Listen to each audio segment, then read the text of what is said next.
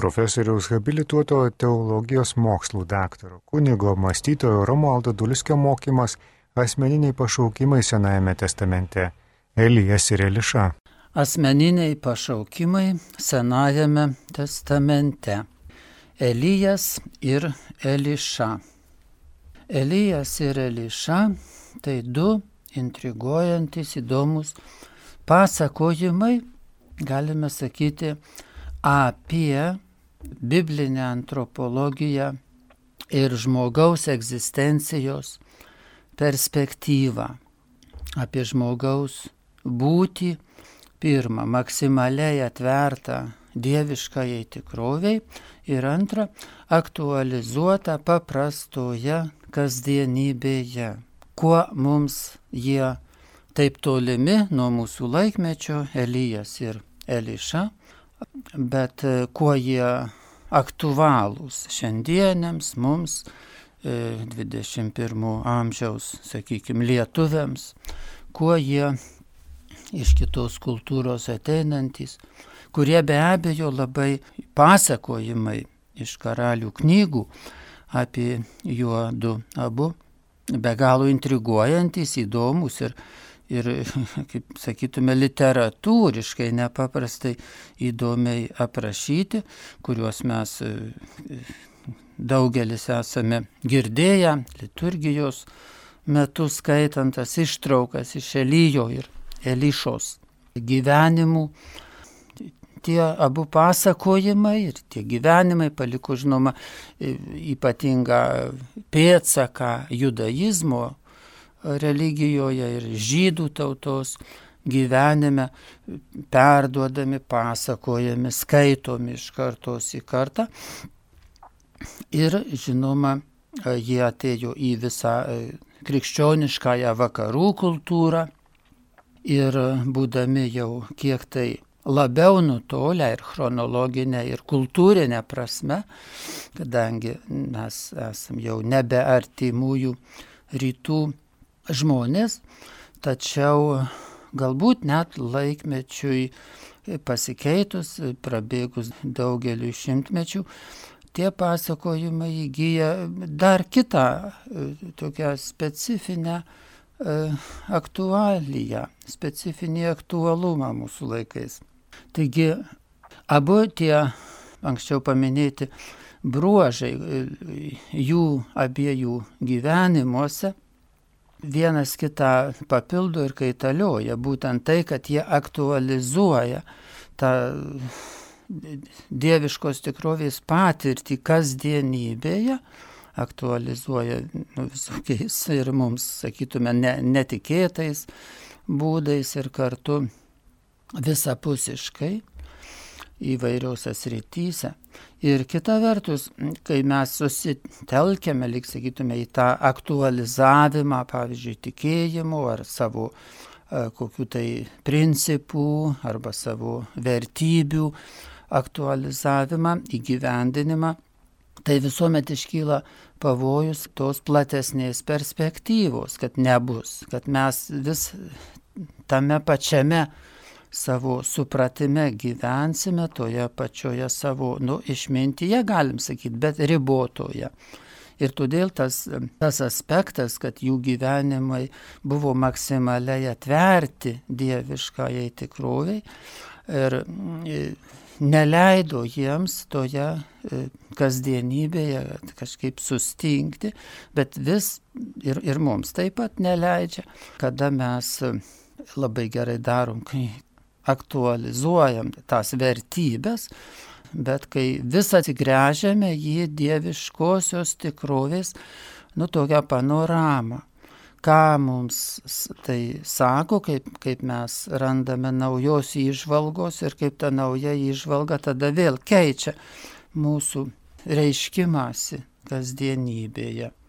Taigi ir mes taip dabar konkrečiai eikime prie šitų dviejų nuostabių asmenybių ir pirmiausia, žinoma, Elijo, kuris gyveno devintame amžiuje prieš Kristų, veikė Izraelio karalystėje, valdant karaliui Ahabui.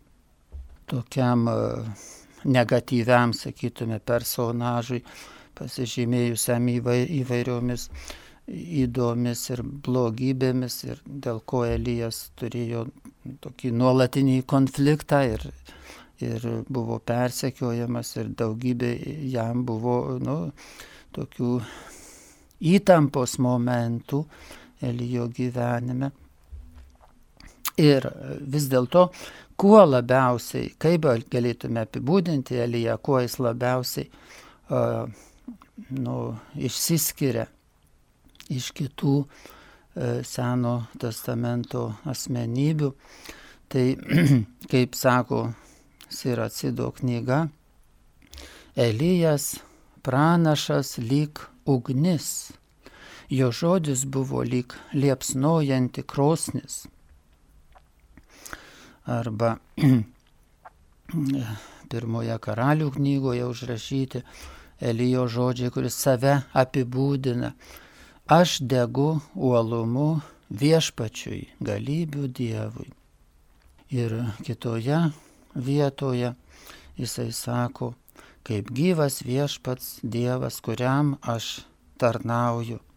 O vulgatos vertime buvo pasakyta ta vieta, kurio akivaizdoje aš stoviu. Ir daugybė, daugybė komentarų yra per visus šimtmečius nuo vulgatos vertimo apie tą stovėjimą Dievo akivaizdoje, kaip, e, kaip egzistencinį pasirinkimą, kaip gyvenimo apsisprendimą, kaip šventieji stovėjo Dievo akivaizdoje. Buvojo, reiškia, gyveno kokioj tai e, nuo šviesoj, sakytume, ar nuolatiniam atsigręžime, ką Dievas pasakys, ką Dievas sako, ko jis moko nenusigręžti nuo jo, bet būti, stovėti. Reiškia stovėti, tai tarsi pasirengus, pasirengus e, nu, viskam, ką tas prieš kurį stovi, tau įsakys arba leis suprasti, arba patars kaip draugas, arba taip toliau. Tai Elijas iškyla toks prieš mūsų žvilgsnį, kaip, e, taigi, kaip liepsnojanti ugnis, kaip žmogus, kuris nu, kažkaip nepaprastai buvo atviras Dievo tikroviai ir tuo jis e, galbūt yra, e, nepaisant to, kad jis senovės pranašas, bet ta galimybė jis aktualus kiekvienam žmogui, kad mes savo gyvenime galime irgi būti liepsnojantis Dievo fakelai, e, stovintys e, sąmoningai diev, prieš šventąjį Dievą ir ieškantis, trokštantis jo išvalgos, jo supratimo, kaip būti. Ir žinoma, Elijas pasižymėjęs yra savo kova su Kanaano religiją, tokiais, kur atsimename veikiausiai ištraukas iš e, karalių knygos, kur aprašyta e, Elijo tie įvairūs žygiai, galėtume sakyti. Tai ir čia e, ne tiek viską suvesti turėtume turbūt tik jo kovą su Kananų religija, bet jeigu sušiandienintume tą, tą problemą, tai kad Elijas nebuvo abejingas ir nebuvo abejingas vertybėms, kurios e, buvo to meto visuomenėje, e, vertybės ir antivertybės, jeigu sakytume, arba pozityvios vertybės ir, ir kokios tai destruktyvios, kabutėse vertybės.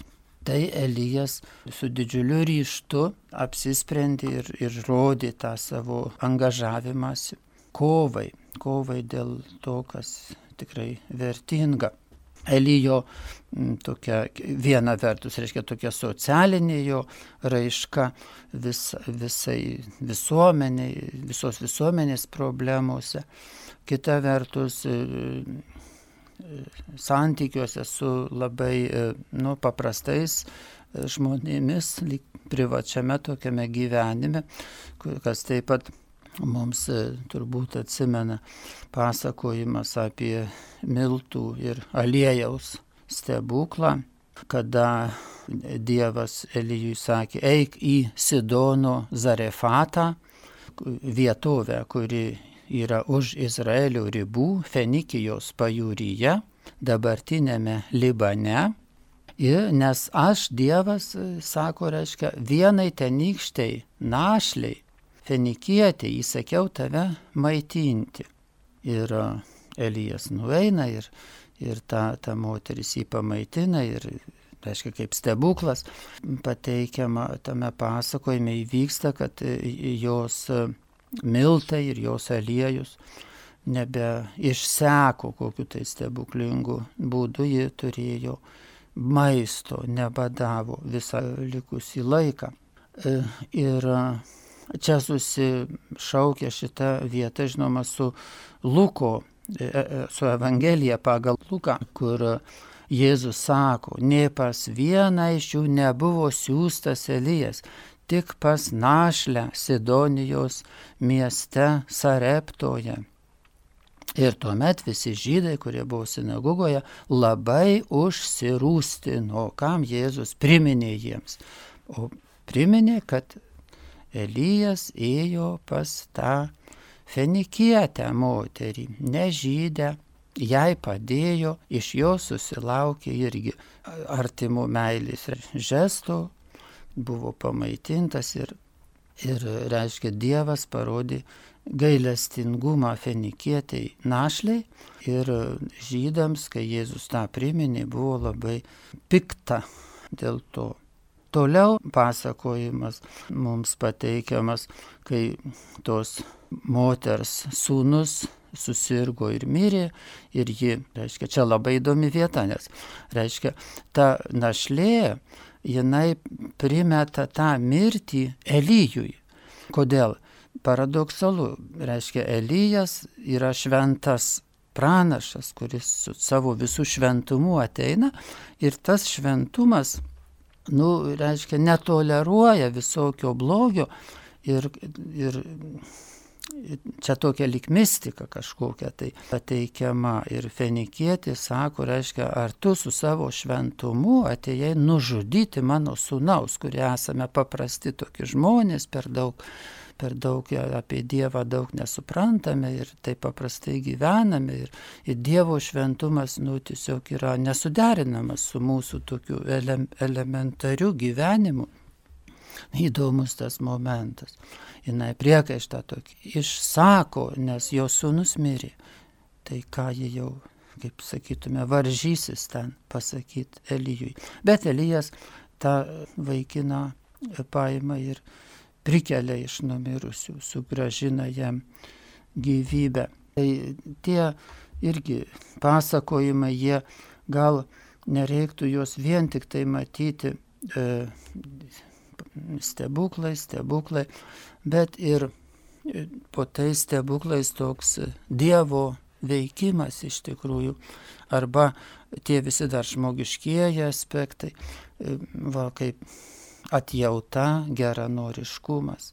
Elijas paskelbė sausrą visame krašte, dievo, nu, dievo įkvėptas kaip pranašas ir dievas jam liepia eiti pasislėpti e, gyventi prie Herito upelio vienumoj ir ten Dievas pasirūpins, kad jis turėtų ko valgyti ir Elijas gyvena ten tokioj vienatvėj prie to upelio, kol upelis galų gale nuo sausros irgi išdžiūsta ir tada a, liepia jam jau išeiti.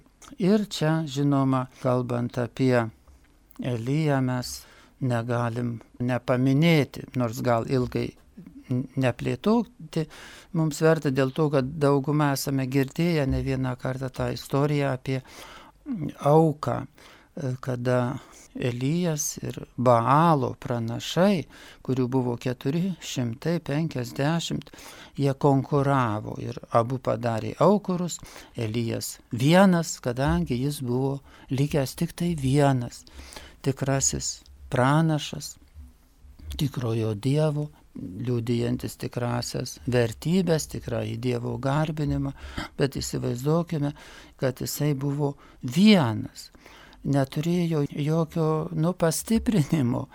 Jo priešininkų buvo 450 pagal karalių, pirmosios karalių knygos pasakojimą. Ir jie, tai visiškai nelygi konkurencija. Biblijoje ne tik Elyjo istorijoje, bet ir kitose tas pasikartoja, kai žmogus lieka visiškai vienas savo ištikimybėje Dievui. Ir kad tai nėra išimtis, reikia nu, suprasti, kad tai yra viena iš tokių galbūt dėsningų galimybių, kada žmogus eina su Dievu ir jam tai tam tikrais momentais jis gali būti labai vienišas, absoliučiai vienas e, toj situacijoje. Ir čia visa drama tuomet prasideda, nes žmogus pats ima abejoti paprastai tada likęs vienas. Gal aš klystu, gal kažkaip, gal man taip tik atrodo, gal man ir, ir kiek daug jis turi nugalėti vidinių abejonių, kiek daug jis turi nu, ieškoti, kad jis tikrai yra toj tiesoj, kiek daug vidinių kentėjimų iš tikrųjų turi iškentėti. Nors čia nekalba karalių knyga apie tos vidinius šitoj vietoje, bet yra taip pat apie Elijo ir tokius kentėjimus, dar tiesiai sustosime. Bet ši čia vis dėlto Elijas ir būdamas vienas, jis užima tokią labai socialiai aktyvę poziciją. Jis sako, gerai, runkimės, runkimės, kurie laimėsime. Tai žinome tą istoriją, tokią įspūdingai aprašytą, įdomią, dramatišką, kaip Dievas priima Elijo auką. Ir baigėsi ji tuo mums irgi tokiu nu, neįprastu šiandieniam žmonėms e, pasakojimu, kurį mes norim taip ir kažkaip praleisti, nukasti tą pabaigą, bet ji yra nuvaręs juos, tuos pranašus, žemyn prie kišono upelio, Elijas ten juos nužudė, tuos 450 pranašų. Tai reikia suprasti senojo testamento kontekste viską. Nu ir galbūt, kad tai irgi vienas dalykas laikmetis, kitas dalykas pasakojimas, ar jis absoliučiai, reiškia, toks yra tikslus istoriškai tas faktas, va, ar jis tikras ar ne. Bet jis yra ir su juo matai susiję tolesnis, Elijo tolesnis toks jo gyvenimo etapas. Nes karalienė Jezabelė, kuri labai globojo tos balo pranašus, ji nusiuntė tuomet pasiuntinį pas Eliją. Ir tas pasiuntinys taip turėjo jam pasakyti tai man te padaro dievai, sako karalienė. Ir dar te prideda, jeigu šiuo laiku, rytoj, aš nepadarysiu su tavo gyvastimi, kai buvo padaryta su kiekvienu iš mano pranašų, baalo pranašų gyvastimi. Tai aiškus grasinimas, kad tu būsi nužudytas Elijau. Ir ne iš bet ko, bet iš karalienės, kuri, kaip žinome, buvo nu, labai įtakingai, karalius jai daug, daug, ji nebuvo tokia pelytė kaip kitos karalienės, nors ji, ji nebuvo valdanti karalienė, tik karaliaus žmona, bet, bet karalius Ahabas jai leisdavo kai kada labai stipriai, nu, kaip sakant, pasireikšti, daryti, ką ji nori. Taigi tas grasinimas buvo be galo realus ir tikras, net neišvengiamas, galima sakyti. Ir tada pasakyta, kad Elijas išsigando. Ir tai labai įdomu, kad šventieji ar kokios didžiulės asmenybės jos irgi nėra nėra apsaugotos nuo to, kad išsigastų ar, ar kaip nors kitus jausmus, kokius turėtų. Ir Elijas pabėgo, pasakyta, pabėgo, tiesiog gelbėjosi. Kartais gelbėtis, pabėgti neprieštarauja Dievo valiai. gal kaip tik atitinka. Ne visuomet žinoma, bet vat kartais pagal turbūt pagal tam tikrą situaciją žiūrint, nuo ko tu bėgi ir kodėl. Ir Elijas, čia įdomi vieta apie visą Elijo, sakytume, tokią sielą, jo emocijas. Jis e, nubėgo į dykumą, kur jo neieškos ir neberas. Ir atsisėdęs po kadagiu šaukėsi mirties. Nieko jau nebenorėjo.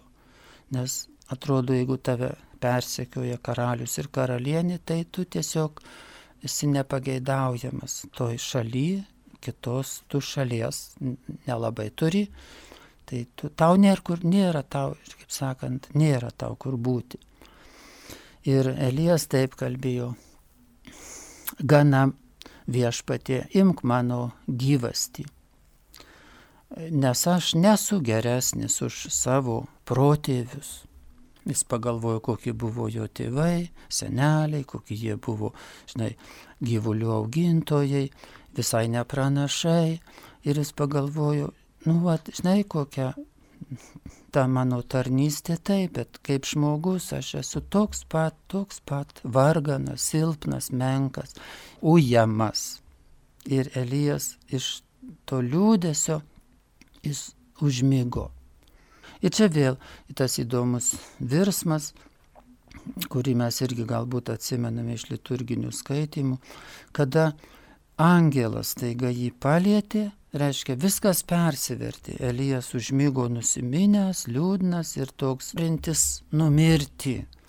Ir dabar jisai prabunda ir sako, me, angelas jį palėtė. Reiškia, koks tai jam akstinas atėjo. Taip, iš angelo, ar iš dievo, ar iš anapusybės, transcendentinės tos tikrovės atėjo ir visai kitas. Kelkis, valgyk, nes dar daug ką turi nuveikti, daug ką turi nuveikti. Ir Elijas pasidavė tam postumiui. Jis užmiršo tą savo liūdėsi, tą persekiojimą užmiršo, tas baimės užmiršo, pasistiprino ir iškeliavo kaip Dievas jam sakė, iki Dievo kalno, šventojo kalno Horebo. Ir nuėjo jisai ten. Ir vėl prie to kalno Horebo įdomu, kad pasikartojantis toks Dievo klausimas yra Elyjui. Ką čia veikia Elyjau? Elija sako, aš degu uolumu viešpačiui, galybių Dievui. Ir tai įdomu, reiškia toks, ką čia veiki, jeigu mes, mūsų kas klaustų, Dievas klaustų, ką čia veiki, ką čia veiki, ką tu čia veiki šiame gyvenime, ką tu čia veiki, ką mes sakytume, ką mes sakytume, vaikus auginu, darbus dirbu, vargstu. Nu, gal džiaugiuosi jaunystę, ar ko nors, ar, ar esu bėdų apstotas, visokių rūpeščių kupinas, ar, ar, ar kaip bet žiūrėkime, kokį duoda mums, lyg kokią šviesą, sakytume, ką Elijas pasakė, aš degu uolumu viešpačiui galybių Dievui. Įsivaizduokim, kokia visai, visai kita perspektyva, kur kiekvienam mums, čia tikrai kiekvienam mums pasakyta, kiekvienam žmogui, žiūrėk, kokia galimybė yra, kad tu ne, ne į tuos, ne į tuos, ne į tuos dalykus sueitum. Bet pasakyk rytą, kai praplėšia akis, kai kavą geri, į tą klausimą, ką čia veiki. Aš degu uolumu viešpačiui, galybių Dievui, noriu degti uolumu. Ir viešpats dar kartą to paties klausia. Elijas vėl tą patį sako, aš degu uolumu viešpačiui. Ir tuomet tas išgyvenimas, kada Dievas praeina griaustinis, praeina stiprus vėjas, praeina ugnis, bet Dievo ten nėra. Dievas praeina su tokiu tylio, švelnios, tylos balsas. Ir, ir tada Elijas supranta, kad toj švelnioj tyloj yra Dievas. Ir tada Dievas, va taip tyloj, leisdamas save sutikti, Elyjui duoda jam tris užduotis. irgi tokias labai įdomias, nes sako, e, Elijau dabar patepsi Hazaelį, Aramo, tai yra Sirijos karaliumi, visai ne Izraelio, ne žydų, ne judėjos, bet žiūrėk, tu eik į Siriją ir ten kokį tai patepsi jų karaliumi užduotis tau. Nu, kita užduotis tai suprantama. Patepk Nimšio sūnų Jehų, Izraelio karaliumi. Antroji užduotis. Ir trečioji užduotis - Elišą iš Abel Meholos. Patepk pranašų savo vietoje. Gauna Elijas tris užduotis. Ir iš jų vieną tik tai pats įvykdys, o kitas jau įvykdys per pranašą Elišą, paves jam įvykdyti. Tai Elijas pašaukia, sutikęs pranašą Elišą, sutinka jį, berinti ir užmeta jam savo skraistę kaip ženklą, kad būtų jo mokiniu Eliša. Ir tada mes kiek tai galėsime sustoti ties Elišą, bet būtina dar mums būtina sustoti ties Elijo paėmimu į dangų, kuris irgi įdomus ir toks sunkiai paaiškinamas epizodas turbūt. Žinoma, galime čia jokių problemų nekelti, sakyti taip pat parašyta, tai taip ir vienas prie vieno taip ir yra, kaip parašyta. Bet aišku, ne visi žmonės lengvai gali priimti tokius pasakojimus apie Elijo paėmimą į dangų, kaip jis ugnies vežimu pasirodė ugninis vežimas ir ugniniai žirgai ir Elijas su jais viesulų su to vežimu jisai nuskriejo, nuskriejo ir nuskriejo ir po to štai žydai Jėzaus laikai sakė, kada ateis Elijas, grįž, kadangi nemiri, bet paimtas buvo gyvas. Anapusybė, tai grįžti turėtų. Tai ir, bet šitas gal pasakojimas, sakyčiau, jis įdomus tuo, kad, nu, kaip mes taip kartais apie mirtį, taip labai, labai būtiškai galvojame apie. Iš tikrųjų, Elyjo visas gyvenimas buvo toks, aš degu uolumu viešpačiui. Tai ir jo mirtis tokia, kad tas ugninis vežimas pasirodė. Nu, galim gal galvot, kad ir gal čia tokia hiperbolė, simbolis. Bet ar taip, ar tai visiškai vienas prie vieno reikia suprasti faktiškai. Ar, bet at jeigu perkeltinę prasme, tai sakytume, kad žmogui, kuris dega uolumu viešpačiui, galybių Dievui, jo ir mirtis iš tikrųjų, kad jis ir natūraliausia mirtimi miršta nuo senatvės ar nuo kokios nors nelemtos lygos, bet e, jo mirtis yra toks, nu, tarsi irgi Dievas jį vat paima. Ir taip kartais sakom, Dievas jį pasijėmė. Ir tai nėra tik, tik tokie žodžiai, bet toks jausmas, kad tas žmogus gyveno Dievui ir jis užmygo Dievui, jis nuvėjo į kažkokią tai šviesą nuvėjo. Tai jo ar jos mirtis. Tai ir Elyjo tą, kai, kai klausome skaitant, aš manau visuomet verta pagalvoti apie, apie tai, kaip iš tikrųjų Dievas nu, per Bibliją aiškina, kaip žmogus gali su kokiais e, troškimais, kokiom aspiracijom, siekiais gyventi. Na ir dabar keletą žodžių mums reikia skirti žinoma, Elijo didžiausiam mokiniui, jo, jo įpėdiniui, Elišai, kuris kai kuriuose dar tekstuose minimas kaip Eliziejus iš graikiško Elizajos. Eliziejus. O jau Eliša labiau yra žydiškas atitikmo žydiško vardo.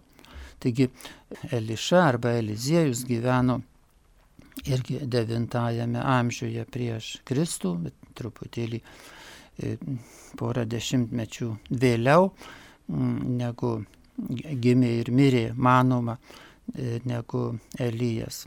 taip pat toje pačioje Izraelio karalystėje. Jisai veikia kaip pranašas. Ir pirmiausia, kas krenta į akis, tai Elišos troškimai, kada jau jis sužino, kad Dievas paims Eliją į dangų, jo mokytoją. Ir Elijas irgi žino, ir abu žino, kad, kad dabar va toks tas įvykis jų laukia. Ir Elijas sako Elišai, prašau, lik čia, nes viešpats pasiuntė mane eiti į Betelį. Eliša sako, žinodamas, kodėl jisai nori nu, atsiskirti, sako, nepaliksiu tavęs. Ir toliau jie eina, eina ir vėl tas pats pasikartoja jų dialogas. Eliša, sako Elijas, prašau likti čia, nes viešpats mane siunčia į Jerichą. Ir vėl Eliša, kodėl jis nenori pasilikti, vėl tą patį sako, nepaliksiu tavęs. Iš meilės mokytojui iš meilės Dievui, iš meilės tam mokymui, jis nenori trauktis nuo tos malonės. Čia kaip Petro Jėzus klausė tris kartą, ar myli mane. Panašiai atitikmuo toksai. Ir trečią kartą Elijas sako, prašau, pasilik čia, nes viešpats mane pasiuntė eiti prie Jordano. Eliša sako, nepaliksiu tavęs. Taip jisai nori būti liudininkas to įvykio, kada Elijas jau bus paimtas ir, ir kad jisai Eliša būtų ypatinga tokia malonė apdovanotas. Tai įdomu, kad Eliša irgi, ko jis trokšta, sakytume, tai malonės, to, ką mes galėtume gal taip įvardinti, kaip malonės. Arba taip pažodžiui, žiūrėkime, kas parašyta karalių knygoje, tai prašyčiau leisti man paveldėti tavo dvasios dvigubą dalį. Tarė Eliša. El Elijas, kaip didis mokytojas, visiems savo mokiniams paliks po tokią, po vieną dalelę, sakykime, po vieną dešimtąją savo dvasios išdalins, išdalins visiems. Bet e, Eliša sako, duok man dvi, aš noriu dvi. Ir čia ne tai turbūt reikia suprasti, kad o aš noriu būti gudresnis už kitus, bet kad jisai kitiem nebus nuostolių, kad jie po, gaus po vieną dalį ir ne iš jų bus at, paimta ta antra dalis, bet iš Dievo malonės pilnatvės bus paimta. Eliša sako, aš noriu, nu, vat, tą dvi tas dalelės, kad galėčiau gauti dvigubą dalį. Ir tai rodo jo troškimus. Ir kalbina mus turbūt mūsų, mūsų kokie troškimai, ko mes trokštame gyvenime, ko mes norime visi žmonės, kas, kas bebūtume, ko mes, ko mes rūpinamės. Tai va, Elišos troškimai. Nu, žinoma, po to Elyjui jau įžengus į dangų, Eliša čia visur jau apie jį viskas vyksta, jisai, nusakytume, dar daugiau stebuklų apie jį aprašyta įvairių, intriguojančių mm, ir tokių, kur jis ten ir vandenį sveiką padaro, ir, bet ir toks prakeiksmas krintant paauglių, kurie tyčiojasi iš jo kaip pranašo, iš jo tokio šventumo, iš tokios asmenybės kaip Eliša ir, ir tas irgi čia Seno testamento, bet, nu, toks, sakytume, jau požiūris galbūt, bet jis gal ir universalumo turi ir įdomus apie tą prakeiksmą, bet mums jau gal, nu, sunkiai, sunkiau suvokiamas ir reiktų atskirai ką nors daugiau komentuoti. Bet čia įdomu gal tas, kad viskas, nu, nėra taip, kad mes, ot, kaip įsivaizduotume, kaip gražiai papasakotume, bet vis ir Elijo, ir Elišos a, istorijoje yra tokie dalykai, kurie nustebina, kur Ir iš tikrųjų, nes Dievas ateina ir jis žmogaus gyvenime padaro tai, ko mes nu, nesitikim, negalvojam, neplanuojam.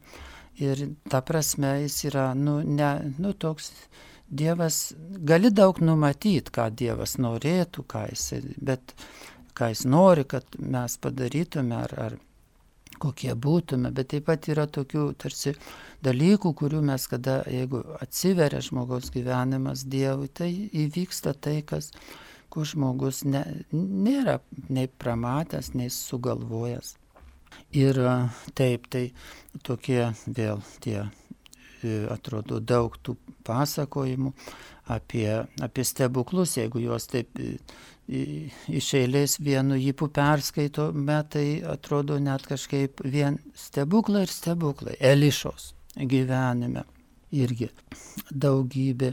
Tačiau a, a, visa tai vėl kažkokį tai turbūt nori pasakyti šventieji autoriai, jeigu sakytume ne vien tik Elišos gyvenimą aprašyti, tai kažką tokio nu gal žydų širdys buvo tokios kietos, kaip, kaip ir mūsų, turbūt tokios pat akmeninės, kad reikėjo tiek daug visko prirašytų stebuklų, nu kad žmogus kažkaip tai imtų ir atsivertų tam Dievo veikimui, kad, žinai, čia ne vienas stebuklas, bet yra antras, trečias, dešimtas, dvidešimtas. Nu ir tada gal kažkaip visus juos perskaitęs, paskui atsigulęs dar atsimeni ir pagalvoji ir, ir, ir tuomet jie kažkaip, kažkaip pramuša tą akmeninę širdį ir tu įmi ir kažkaip patiki, kad tikrai Dievas kažkaip ateina į žmogaus gyvenimą.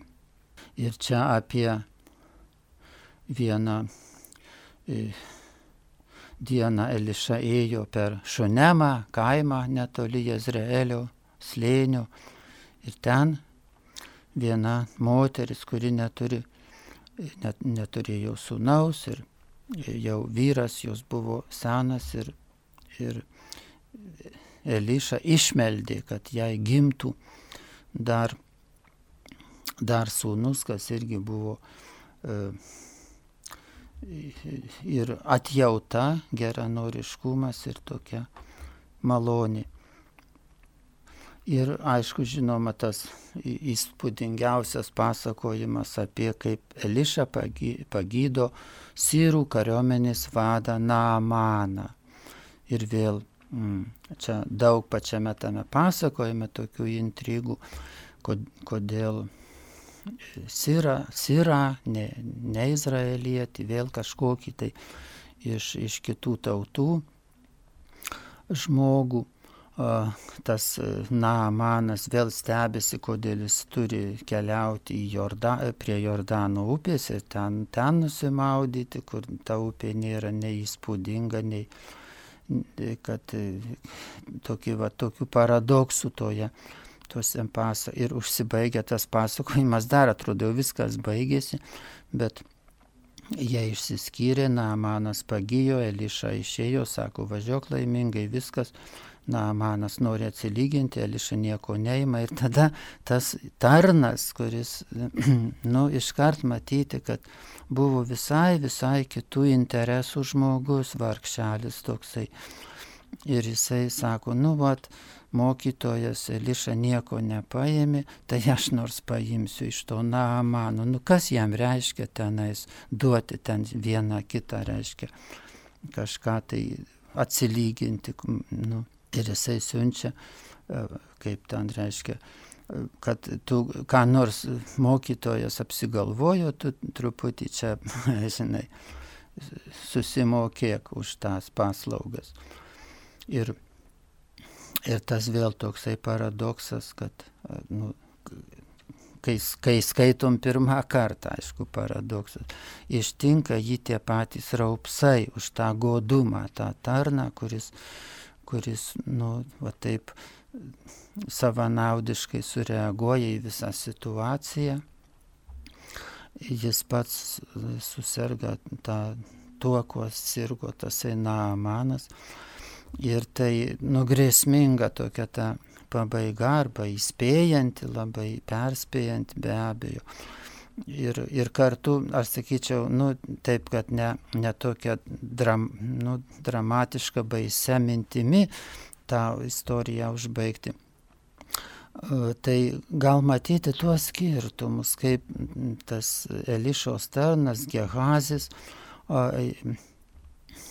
reiškia, kokie jo troškimai buvo, kokios jo aspiracijos, kokie jo siekiai, nu ką nors va taip truputį savo naudai, savo naudai matyt, vat, nu ir taip jis gyveno. Čia, tai prasi, jeigu tokioj situacijoje tas prasiveržė jo, jo ta nuostata, tai ji buvo vyraujanti, vyraujanti. Ir ji, ji nelaiminga ne dėl tos nelaimės, kuri atsitiko Gehaziui, bet ji nelaiminga dėl savo menkystės. Taip turbūt turėtume suprasti.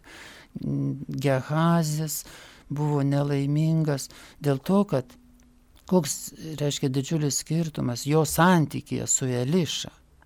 Jis, jis iš, iš Elišos net ne tos Dievo šviesos troško, nemalonės, jeigu lygintume kaip Eliša iš Elijo, ko troško.